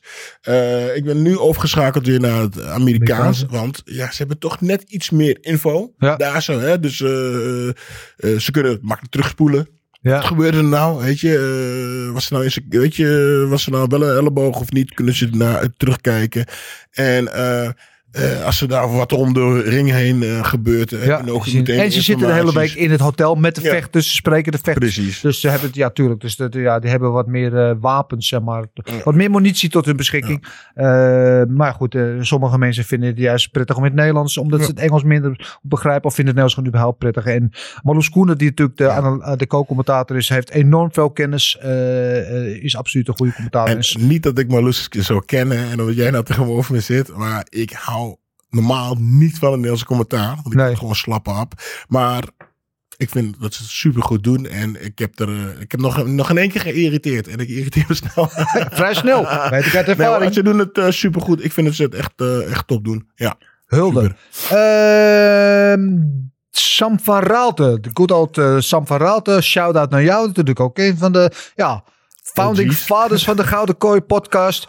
En nu andere grote dingen aan het doen. Gaat als een trein. Eh, en die vraagt zich af. Wie zit te wachten op een bokspartij van Nagano? Nu gebleken is dat hij staat niet de beste heavyweight is in de UFC. Ja, nou is goed. Dat is, ik vorige keer, dat is toch wat ik vorige keer zei. Ja. Ik hier zitten wij toch niet op te wachten. Eh, nou ja, eh, dit zit ik, ik ga verder niks zeggen. Hij, heeft, hij zegt het allemaal. Ja. Een voorganger. Ja. Ja. ja. Ja, ik denk dat er nog steeds wel, eh, wel. Er zijn dus ook heel veel mensen die Jake Paul eh, willen zien vechten tegen uh, washed out uh, MMA-vechters. Ik denk dat als Tyson Fury en Nagano samen in een ring gaan staan, weten we allemaal al van tevoren hoe het afloopt. Uh, tenzij de Fisco Boep natuurlijk. Uh, dat heb je ook nog maar. Uh, ik maar denk wil, dat, jij zien, wil jij dat, zou jij die partij willen zien? Ik vind het wel interessant helemaal als ze gaan doen waar ze het natuurlijk over gehad hebben. Van we gaan op boksregels, maar met MMA-handschoenen. Oké, okay, maar ja, dat is net Ja, dat nou, maakt het weer net even anders. De Burn Knuckle uh, champion is hij toch ook geweest? Of niet? Dat is op die Gypsy King. Uh, de Gypsy King, ja, die van huis uit natuurlijk. Uh, ja, ja. Ja, ja, tuurlijk. We weten allemaal hoe het afloopt, maar ja, nee, maar ik begrijp je vraag, Sam. Uh, het, het, het, is wel een beetje gedevalueerd, inderdaad. Want in die eerste tweede ronde werd hij gewoon ja, technisch gezien qua wel een beetje te kijken gezet door Kaan. Uh, maar uiteindelijk vond hij wel een manier om te winnen. Uh, Dandy BJ, ook een vaste vraagsteller. Uh, ben ik de enige die zich dood ergert aan Figueredo? Ja, Figueredo heeft ook wel een beetje maniertjes. Ging zich ook een beetje in die persconferentie heel anders voordoen na de afloop van de tweede wedstrijd. toen hij heel supportive ja. was naar Moreno en oprecht, oprecht blij van hem was. En nu ging hij al bij zijn crybaby en uh, een beetje onder invloed van judo ook, Juist, denk ik. precies. Ja, ja, ja. ja, nee, dat, ja. ja. maar erger jij aan hem? Of uh, ik, uh? Ja, ja. Ja, ik, ik zag het bij de, de, de, de, de, de weigh-ins dat hij een beetje zo overdreven deed. Ja. Maar, eh, maar ik vind ze allemaal, dat ze, ik vind allemaal dat ze overdrijven. Je moet sowieso al vechten. Dus dat, dat rare voor de tijd boos doen en vinger. En, je moet ze vechten. Je hebt, een je hebt allebei getekend, we gaan dan en dan vechten. Dus waarom moeten we nog gek gaan doen? We Ja. gaan, hè? Dus, nou ja. Ja. Ik erg me niet aan. Weet je, als ze zolang ze elkaar... Ik, ik erger me meer in tijdens de partij. Zolang ze elkaar kop in elkaar slaan en trappen. Ja, eerlijk zijn, dat is toch wat we willen zien. Marcel, ad- ad- gedrag van eh, Figueiredo irritant of niet? Ik zei vorige week al, de meest neppe trash talk wat ik ooit gehoord heb. Ja. Ehm, slechte trash talk ook Ja. gewoon. Ehm, het is gewoon even corny als Henry Cejudo. Het slaat nergens op. En Nee. ik geloof het ook niet. Als je ziet hoe die... eh, volgens mij hebben ze wel gewoon respect voor elkaar. En probeert hij gewoon een, een, een, een of andere... eh, hoe zeg je dat? Een rol te spelen? Verkopen- Iets te verkopen wat er niet is. Snap je Ja. wat ik bedoel? En het is niet eens nodig, vind ik. Ehm, ik hou er zelf totaal niet van. Dat weet je ook. Ehm, en ik vind het ook onzin. Dus, eh, en als je ziet hoe ze na de partij gewoon normaal eigenlijk tegen elkaar doen. Daar, daarom deed Moreno ook zo tegen hem van, eh zat hem continu uit te lachen voor die Ja. partij van, eh, ja, doe normaal, weet je. Ehm, Ja, was er ook onzin. totaal niet van onder de indruk. Nee. Nee, maar wel, luister, twee hele goede vechters. Ik zie ze heel graag vechten. Maar ehm Figueiredo moet gewoon normaal doen, man. Dan is hij ook gewoon een attractieve vechter. Heeft hij ons niet nodig. En eh, ik denk ook dat het heel erg geïnitieerd is door uh, Albarracin en door Cejudo. Ja. Ehm, en ja, ik ben er totaal niet van. Ik vind het ook onnodig. Ik vind ook bij Cejudo altijd onnodig. Dus eh, ja. Ja. Overigens over Albarracin eh, gesproken. Als ik later groot ben, wil ik ook ooit een bril zoals hij heeft. Want mijn god, wat heeft hij een eh, monument van een bril op zijn neus. Ken, ken dat verhaal niet van? Ze hadden toen aan hem gevraagd van die bril. heb je die ook echt nodig? Toen zei hij, hoezo vraag je dat? Hij zegt van ja, heb je die echt nodig of is het gewoon een gimmick? Dat hij die bij Halwani afgenomen Hij zegt, kijk, daar zitten niet eens glazen in. Het is gewoon een gimmick. Oké, ja. Eh, Captain America. Het is wel Ja. een, eh, ja, eh, zeg je dat? Oh, kleurrijk figuur. Mhm. En Dandy BJ vraagt aan ons, hebben jullie een vraag voor ons? Dus hebben wij als hier Gouden Kooi eh, mensen een vraag aan onze, onze volgers? Ja, ja, ja, ja. Ja. Laat ze een filmpje maken dat ze een shoei doen bij ons. Maar dat is geen vraag, is een opdracht. Maar ja, is willen een jullie? Willen jullie? Willen jullie een filmpje maken? Dat je een shoei doet. Ja, dat is een vraag. Ik ben benieuwd hoeveel inzendingen we krijgen. Ik ben toch echt benieuwd, ja. Ja. Ik, ik denk dat het getal eh, kleiner is dan nul. Maar misschien Nou ja, dat misschien kun je met de, de, de leukste inzending misschien een dingetje weggeven. Oké. Nou, Dandy, je stelde de vraag. Dus bij deze, willen jullie voor ons een shoei doen? Eh, en eh, het meest originele filmpje krijgt een leuke prijs van ons. En wat die prijs is, daar gaan we nog even over nadenken. Maar eh, ja, kom maar door met die shoei filmpjes. Ha, ik moet er nu al op. Erwin Spencer Fuckman, ook een vaste vraagsteller. Eh, eh, met de vraag Michel Pereira tegen Neil volgende keer. Dan vraag ik me af welke Neil. Neil Petersen. Ja, dat zou ik wel willen zien. Maar ik denk eh, eh, nee, ook niet dat hij bedoelt eh eh, Neil Magny, want die is volgens mij al geboekt. Ik denk Neil dat hij het heeft over Jeff Neal. Maar eh, ja, geen idee. Ik, weet niet welke Neil je bedoelt. Als het Jeff Neal is, ja, weet ik niet. Ja, of misschien weet Massa dat wel, wie die bedoelt. Ja, ja. Ik zou Jeff Neal denken dan. Ja, dat denk ik ook. Ja, zou kunnen. Zou kunnen. Eh, Mo Issa. eh, had Kamaru Oesman een aandeel in eh, de voorbereiding van, van de Ganu? Vraagt hij zich af. Nou, net als bij de vorige titelpartij stond Oesman bij hem in de hoek. Laatste paar dagen van het kamp. Niet het hele kamp, maar was hij er ook bij betrokken. En is een beetje zo'n talisman. Hè? Ze hebben een bepaalde connectie samen. En natuurlijk twee Afrikaanse kampioenen. Ganu natuurlijk echt in Afrika geboren. Maar eh, Oesman van Nigeriaanse kom af. Ja, of hij een aandeel daarin heeft is moeilijk te zeggen. Ik denk wel dat, dat hij een soort van motiverende rol speelt in dat geheel. Hij was ook een soort van de hype man. De- Om hem heen echt eh, ook te dansen en te springen. Proberen hem echt een beetje... Dus ik denk dat hij wel wat dat betreft een rol speelt. Of hij echt een aandeel hebt. Ik weet het niet. Denk jij? Ja, ik heb, eh, ik heb geen idee. Nee. Ik weet niet wat... eh, of die stond, die, stond ook echt bij hem in zijn hoek? Jij stond echt in zijn hoek. Heeft hij ook gezegd? nou, misschien zei hij van, je moet hem de grond trekken en ga op hem Ja. zitten. Misschien, eh, ja, geen idee. Ja, nou, hij is natuurlijk de, de, de pound, pa- pound king in, in de UFC. Dus eh, wat dat betreft, eh, eh, ja, als eh, de, de kampioen heeft hij vast wel eh, wat motiverende woorden. En kan, kan er vast wel wat van hem leren. Marcel, wat denk jij? Ja, denk ik ook. Ehm, ik, ik denk dat ze elkaar eh, misschien een beetje kunnen dingen, hoe noemen we dat? Eh inderdaad kunnen motiveren en alles. Ehm ze zijn allebei eh dingen. Oesman is van Nigeriaanse komaf. Uh, Gano van, van eh, Cameroen. En daar voelen ze inderdaad die connectie. Of ze veel met, of ze, of, of ze, hoe noem je dat? Eh, wat je zegt, of ze met elkaar trainen of wat dan ook. Het, volgens mij niet echt. Volgens mij is het meer, eh meer mentaal. Ja. dat ze het met elkaar hebben. En uh, ja, Ja. waarom niet? Ja. Je, als, als, als dat je helpt, waarom zou je het niet doen? Ja, nou ja, voorlopig vaart hij wel bij zijn aanwezigheid. Want eh, in de laatste twee keer dat hij erbij was, heeft hij twee keer gewonnen. Dus eh, never change a winning team, zou ik zeggen. Ehm Sofian 8467 nog met een vraag. eh, op zich wel een interessante. Vinden jullie dat Nagano in de Apex beter is omdat de kooi daar kleiner is? Ja, de vorige wedstrijd tegen Milsic was natuurlijk in de Apex. In de, de 25 voet kooi. Nu in de grote kooi 30 voet. Ehm, ja, Nou ja, je, dan kun je minder, minder rennen natuurlijk. Precies. En hij heeft natuurlijk minder stappen te maken. Dus ja, ja. ja ik denk dat hij daar... Is is Dat je een voorbeeld helemaal dit Ja. moet hebben van zijn paalpuntjes. Ja, ja, Ja. Ik, ik denk dat. Ik vind wel overigens dat als je Nagano of welke zwaargewicht ook in die Apex. Hij is natuurlijk al kolossaal. Het is echt een monument van een man. En dan in die kleine kooi is het helemaal net, ja, net of hij, of hij een te klein t-shirt aan hebt. Een beetje zo. Dus eh, ik zie wat dat betreft liever gewoon in de grote kooi. En me gewoon met publiek erbij. Want dat is natuurlijk allemaal veel lekkerder. Ehm Brian 196666. Dus voor de duidelijkheid vier zessen, geen drie zessen. Want dan ben je het getal van de duivel. Eh, als Gaan niet voor de lek ging in de vijfde ronde, was hij denk je voor hem? Weet ik niet. Ja, Ja, als Kan. hij er bovenop had een beetje ground and pound, had hij die ronde ja. waarschijnlijk wel. En dat blijven uitrijden, die, eh, die ronde. ja maar Nagano toegetrokken. was fysiek zoveel sterker op de grond. Ja, ja, hij stond er heel makkelijk op elke keer, hè? Weet je, hij draaide hem echt om alsof het een lap op op was. Dus ja, ik weet het niet of dat eh, nou echt de Ja, als hij- gamechanger was. Als hij vijfde ronde gewonnen had, had hij split decision gewonnen volgens mij. Dus dat Ja. hij eh, op twee, twee judges scorecard had hij 48, 47 gehad. Dus Ja, ja dat zeker. Zeker. Eh, maar goed, we zullen het nooit weten. Eh, Davy Horelbeke underscore G. Eh, stop Francis bij de UFC. Ja, daar hebben we het net al over gehad. Dat zullen we moeten gaan afwachten. Eh, Willem H. Wie moet de volgende tegenstander van Nagano worden? Hebben we het ook over gehad. Eh Lasse Vries. Hoe zou Nagano doen in de bokswereld? Eigenlijk ook al bespreken. Luc C. vraagt zich af. Gaan tegen Rico. Wat denken jullie? Ja, dat is binnen een minuut afgelopen voor, voor Kaan. Ja, maar op, bok- op MMA-regels of op kickboxregels? Oh, oh. Ja, dat kickboxregels. staat er niet bij, Ja, maar- dat, ze moeten natuurlijk gaan kickboksen en is het zo afgelopen.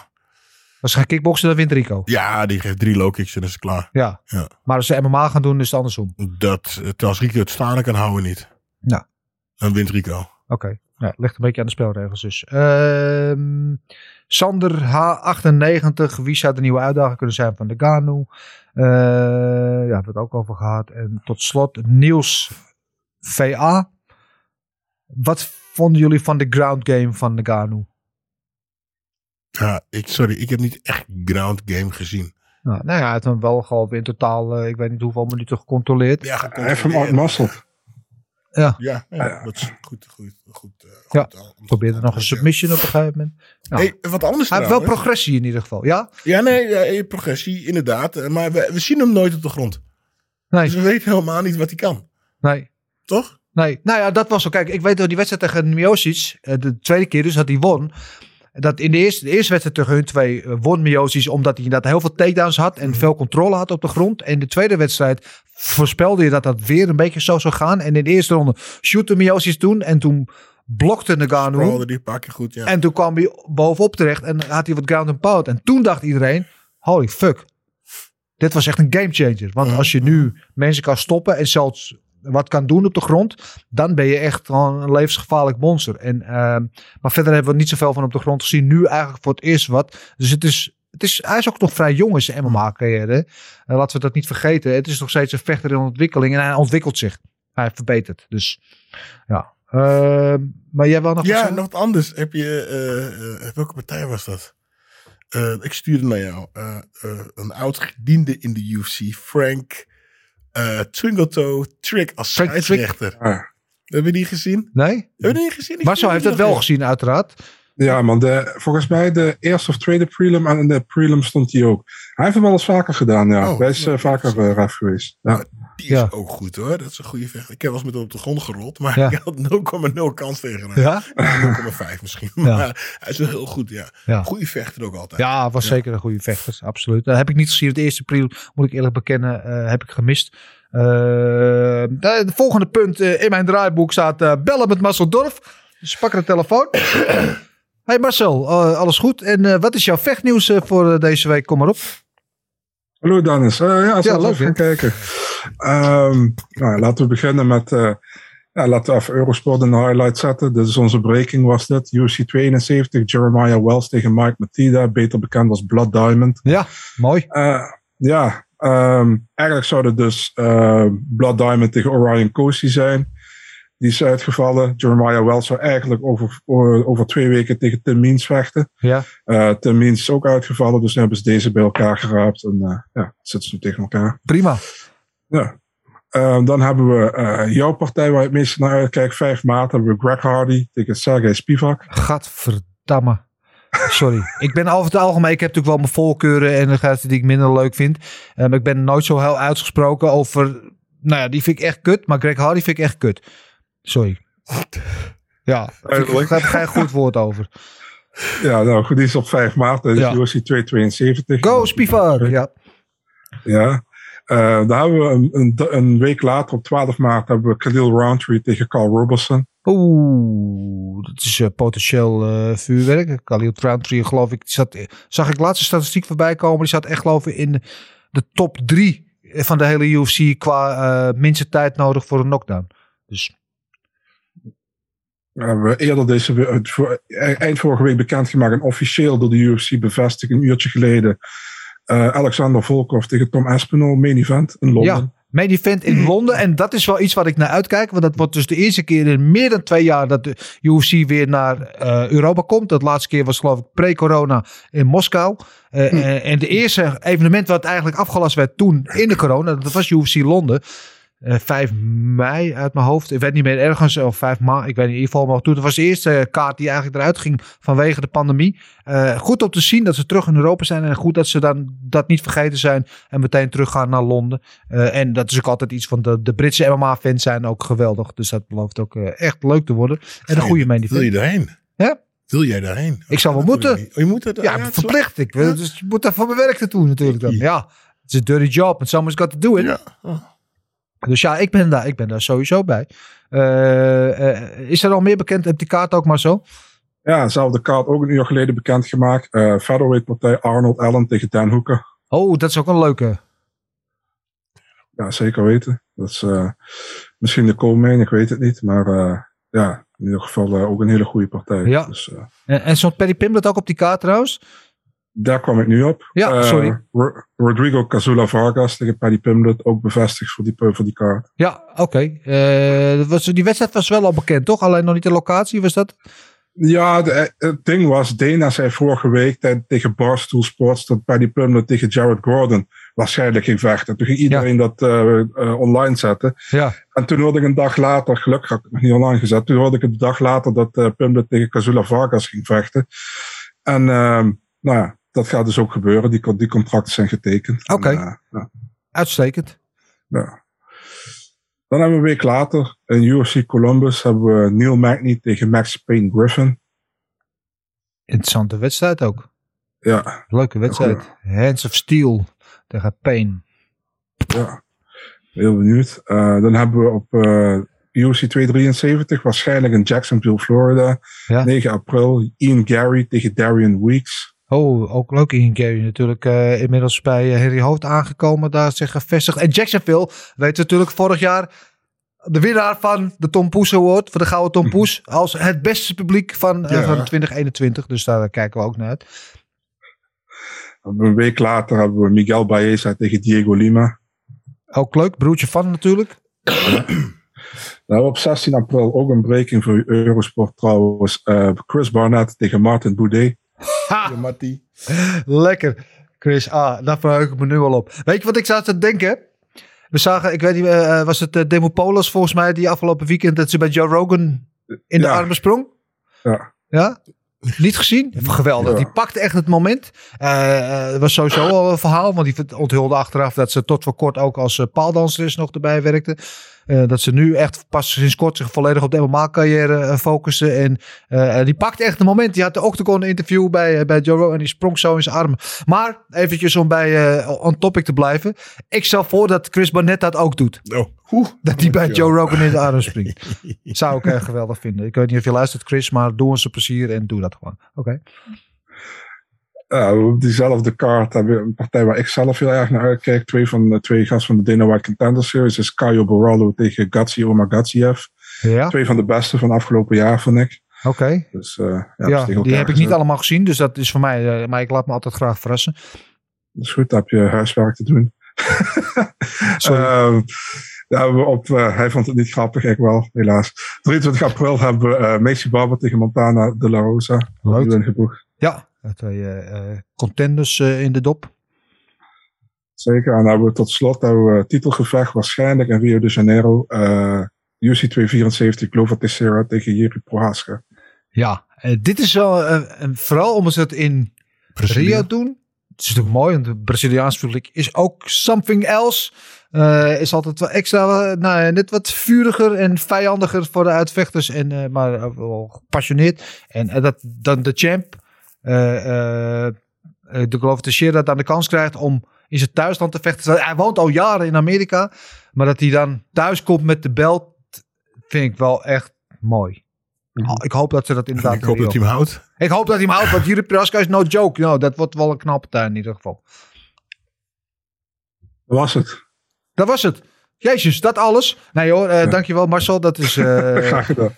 Ruim voldoende. Uh, bedankt weer voor je bijdrage. En dan komt nu het moment waar we natuurlijk elke week weer vol verwachting naar uitkijken. Een moment waarin we uh, elke week naar in zo'n glazen bol turen en vooruitkijken naar wat wij denken wat er gaat gebeuren in de wedstrijden die voor ons liggen. En Heel vaker wel dan niet hebben we dat gewoon helemaal mis. Want de wedstrijden lopen nou helemaal zoals ze lopen. Want wie had voorspeld dat Francis Ngannou ging worstelen met Gaan? Helemaal niemand. Ja, Uh, niemand. maar het blijft altijd leuk. En dan heb ik het natuurlijk over het onvolprezen, ongeëvenaarde, beste onderdeel van het programma.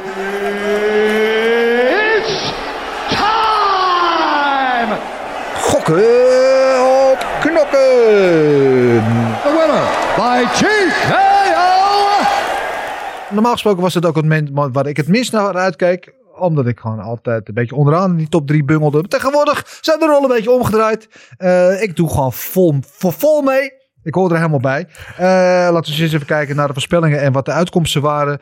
Uh, uh, Marcel, jij had voorspeld Gaan. Dat hadden we eigenlijk alle drie. We hadden ook alle drie voorspeld Moreno. Dus in de co-main en in de main hebben wij allemaal nul punten gescoord. Uh, Marcel, jij had wel Pereira op decision als enige. Dus daar drie puntjes. En je had Nurmagomedov voorspeld als winnaar. Maar dan KO. Dus daar een puntje. Dus vier punten voor jou in deze ronde.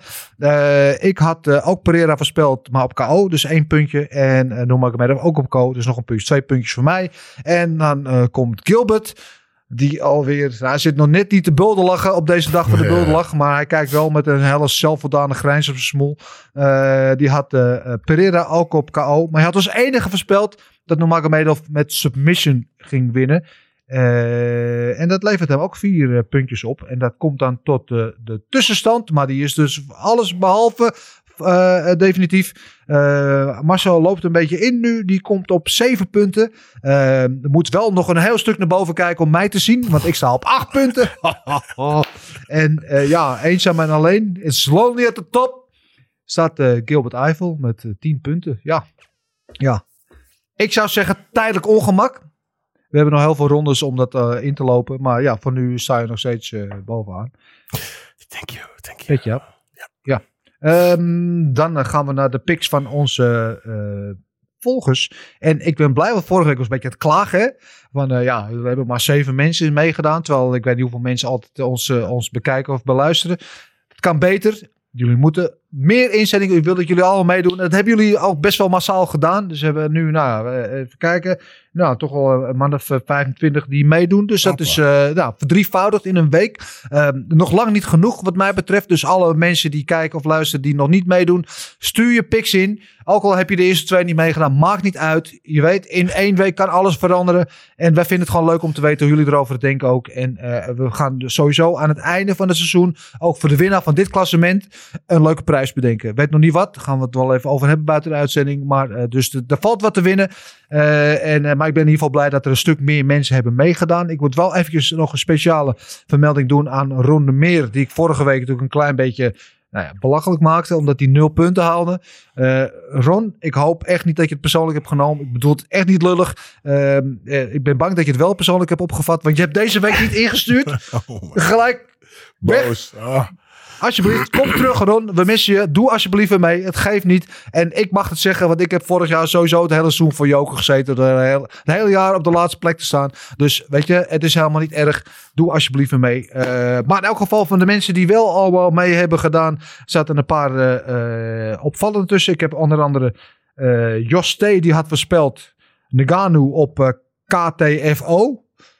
Knock the fuck out. Dat vond ik wel grappig. Werd natuurlijk decision. Maar in elk geval. eh, we hadden hier, Oh, net, als, eh, bij, eh, net als jij. Was er één iemand onder al onze volgers. Die had uh, Nurmagomedov op submission voorspeld. Eh, dat is David Bakker. Die had hem voorspeld in ronde drie. Dus niet de goede ronde. Maar wel de enige die de methode goed had. Dus ook shout-out aan jou. En ehm, er was één iemand. Die had alle winnaars goed. En dat is eh Seki, Seki Asale. Dus vorige week op de eerste plek. En die had van alle vier de partijen die voorspeld zijn, had hij alle winnaars goed. Alleen nergens de methode. Dus die maar vier puntjes. Maar wel interessant om te vermelden dat hij dus wel alle winnaars goed had gekozen. Als enige. En eh, dat eh, levert dan de volgende tussen. Oh ja, één speciale vermelding ook voor Niels Hollander. Die de eerste keer meedoet. En in zijn eerste ronde meteen acht punten heeft binnengeharkt. Alsjeblieft. Hartstikke idee. Eh, en dat was overigens de enige die eh Figueredo op decision goed had. Want heel veel mensen hadden Figueredo op KO. Eh, en heel, de, verreweg de meeste hadden Moreno op KO of submission. En de enige die eh Vicky goed had eh, op decision was Niels Hollander. Die had voor de rest, Nagano was dan niet goed. Pereira op decision had hij ook goed. En Nurmagomedov op decision. Dus uh, een lekkere binnenkomer met acht punten. En dat zet jou meteen redelijk aan de top van het klassement. met acht punten samen met Remco Zwart. Die deze week vijf puntjes erbij heeft. Die heeft ook acht punten. En ik noemde hem net al. Die had vorige week zes punten. Nu vier. En onbedreigd eh, aan kop. Net als Gilbert Eiffel met tien punten. Is Seki El Saleh. Dus eh, gefeliciteerd aan jij. Jij bent de winnaar eh, van, nou, van het moment. Die staat bovenaan. En de winnaar van de week is inderdaad Nieuws. Hollander met acht punten in één week. Hartstikke idee. Eh, ja, keep it up jongens. Houd vol. Blijf die inzendingen, die pics insturen. Eh, we genieten ervan. Niet volgende week, want volgende week Oh, het is... begint wel een beetje spannend te worden nou. hoor. Het Het is vind ik leuk. Ja, maar tegen maakt toch twee ook een beetje- experts, maar nou tegen de andere eh, de- experts thuis. Ja, en ik waardeer ook heel erg jullie inzendingen. Want sommige gasten hadden gewoon, de meeste, gewoon alleen de pics. Maar er waren ook een aantal inzendingen bij. Die hadden gewoon hele uitgebreide breakdowns waarom? gestuurd. Van waarom en hoe dat zou gaan. En wat ze denken dat het zou gebeuren. Dus dat vind ik ook interessant om te lezen. Dus als je dat wilt doen... Doe dat, we lezen het graag. Wil dat niet doen, wil je alleen even ook prima. Maar stuur ze in ieder geval in. Doe lekker mee in deze competitie. Eh, dat maakt het alleen maar interessant en leuker, ook voor ons. En ik ben ook benieuwd naar jullie meningen en voorspellingen. Dus blijf dat doen. Je weet dat is te bereiken op info.vechtersbazen.tv. En daar kun je ook terecht voor al je vragen aan ons in de gewone podcast. En eh, die vragen kan je dan ook sturen via Twitter eh, of Instagram in de DM's. Maar waar het ook binnenkomt, we lezen het allemaal. Volgende week, zoals gezegd, geen gok op knokken. Of deze week geen voorspellingen, want volgende week geen UFC. Eh, er is wel Bellator, eerste Bellator van het jaar. En eh, de eerste Eagle FC in Miami, op Amerikaans grondgebied. Met onze eigen Tuin Sprong in de main event tegen uh, Garitonov. En dat is wel een wedstrijd waar ik Spannend hè? stiekem een kunnen we nog kijken? Eh, dat is niet op televisie, we zijn door een streaming olie. Dus dan moet je pay-per-view betalen. Ah, ja. Eh, Hoeveel is dat? Ik heb geen idee. Kan je vast online al opzoeken als je dan gaan we Eagle het even FC eh, zoeken, googelt. Dat moeten we Eh, even zien. Ik denk dat ik dat wel eh, even ga doen eh, komend weekend. Dan heb ik alleen nog één agendapunt af te werken. Gezondheid. Ontuit. Zo, nou, die horen ze in Tajikistan nog niet. niet. De, de Discovery Plus codes. Oeh, spannend. Ja, ik heb vorige week gezegd, ik heb vier codes te verloten aan de origineelse inzendingen. En we hebben echt een heleboel leuke eh, motivaties gehad waarom jullie dachten dat jullie moesten winnen. Oh, leuk, ik had leuk, jullie het liefst leuk. allemaal een code willen geven, maar dat ging niet, want ik had er maar vier te vergeven. Dus ik heb er uiteindelijk vier gegeven. Eh, en dat zijn, eh, let op, Anthony van der Ven, Bruce Lee, Barry van Asch en Maga Idjev. Eh, gefeliciteerd, jullie hebben alle vier een code gewonnen voor een jaar lang gratis Discovery Plus en dus een jaar lang gratis UFC kijken. Eh, jullie code komt eh, via de mail naar jullie toe. En ik wil er nog één dingetje even, want alle inzendingen waren heel leuk, maar met name die van, eh, van Berry van Asch, een van de prijswinnaars, die wilde ik eventjes laten horen. Oh, ik dacht je dit ze allemaal. Dat was ik heb ze eigenlijk Nee, maar dan zitten we hier morgen nog. Nee, want er waren echt een heleboel. Sommigen hadden ook hele epistels. Eh, en ik waardeer echt al jullie crea- creativiteit. En, en, en, Nee, maar ja. ik bedoel alleen van deze vier, kan dat niet? Of zijn ze echt ik, doe al, ik heb er eentje gekozen. Die mij, het, eh, valt, het valt me vrij tegen, Dennis. Ik Ja, ben met Gilbert eens. en dat hoor ik wel vaker in mijn leven. Dat, zijn- dat- dat was Marcel, ik zei niks. Ehm, even kijken. Berry van Asje zegt: Dag mannen.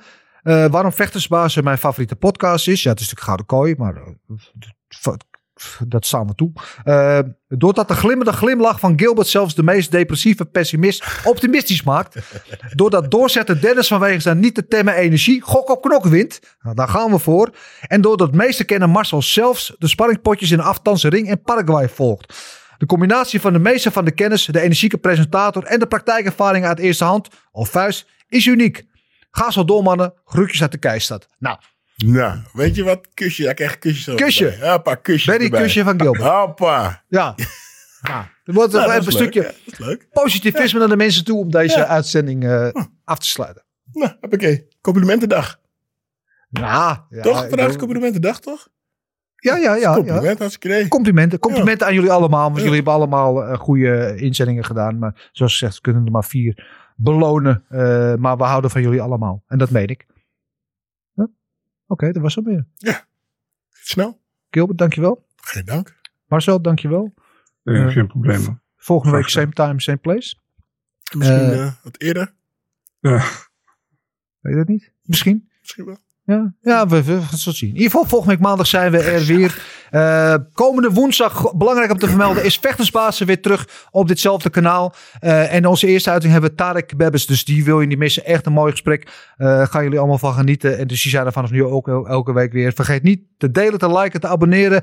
Vooral abonneren is voor ons belangrijk. Abonneer op ons kanaal waar je ons al kijkt. Is het op YouTube, is het op Spotify of op Apple Podcast. Doe dat en help ons de winter doorkomen. Ook al is hij niet zo koud.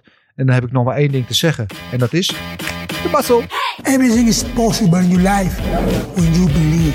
I'm not God or none, but I just baptized two individuals back to back. You, you know, they're, they're selling you all wolf tickets, people. You're eating them right up. Just give me location. Every day I send Dana White message. Hey, where's my location? Hey, pussy, are you still there? I wouldn't like to do that fight again. Oh, What round they was the fine ass at?